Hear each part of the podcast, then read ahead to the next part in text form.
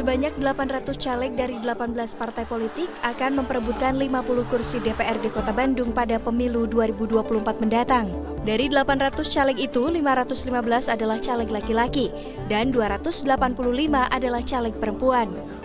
Persentase keterwakilan perempuan secara keseluruhan untuk tujuh dapil di Kota Bandung mencapai 35,63 persen. Hal itu sudah memenuhi peraturan Komisi Pemilihan Umum atau PKPU nomor 10 tahun 2023 tentang syarat caleg perempuan yang harus terwakili sebanyak 30% persen dari total caleg yang didaftarkan, baik dalam pencalonan anggota DPR RI, DPRD provinsi maupun kota kabupaten.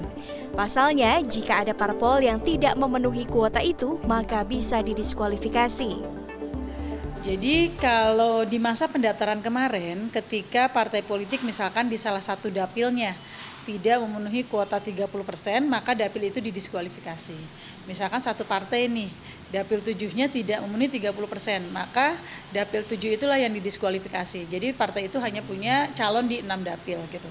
Nah, tapi di masa pencalonan kemarin sampai penetapan DCT, semua kota semua partai di Kota Bandung memenuhi itu, sehingga tidak ada partai yang didiskualifikasi, eh, didiskualifikasi di salah satu dapil. Data KPU Bandung mencatat jumlah keterwakilan perempuan tertinggi dimiliki Partai Garuda dengan persentase 42,86 persen. Sementara terendah Partai Umat dengan persentase 29,73 persen. KPU Bandung menambahkan 18 parpol sudah memenuhi kuota 30 persen keterwakilan perempuan untuk calon legislatif Kota Bandung. Mengenai peraturan keterwakilan perempuan 30% ini, para parpol pun sudah melakukan persiapan sejak lama agar dapat memenuhi kuota. Untuk di Kota Bandung, eh, kan total ada 50 kursi ya DPRD Kota Bandung. Dan Alhamdulillah eh, kami dari PKS bisa memenuhi calegnya sebanyak kuota yaitu 50 kursi dan untuk caleg perempuannya ada 19 orang, berarti kan 38 persen. Di caleg perempuan di tingkat provinsi ya di Jawa Barat dari PDP sudah di atas 30 persen ya, secara total dan tentunya kita dari dulu juga karena ketua umumnya adalah perempuan, ketua DPR RI-nya adalah perempuan, jadi jangan diragukan bahwa PDI adalah satu-satunya partai yang perempuan itu ditempatkan sejajar dengan laki-laki dalam urusan bagaimana mereka berkiprah untuk rakyat, berkiprah melalui politik.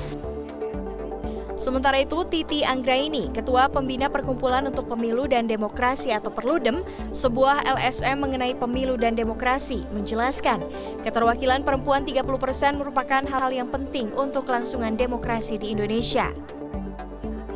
Eh, bahwa keterwakilan perempuan eh, memang harus dihadirkan untuk eh, menjawab atau mewakili kebutuhan-kebutuhan khas yang itu memang hanya akan bisa disuarakan dengan baik ketika perempuan hadir begitu ya.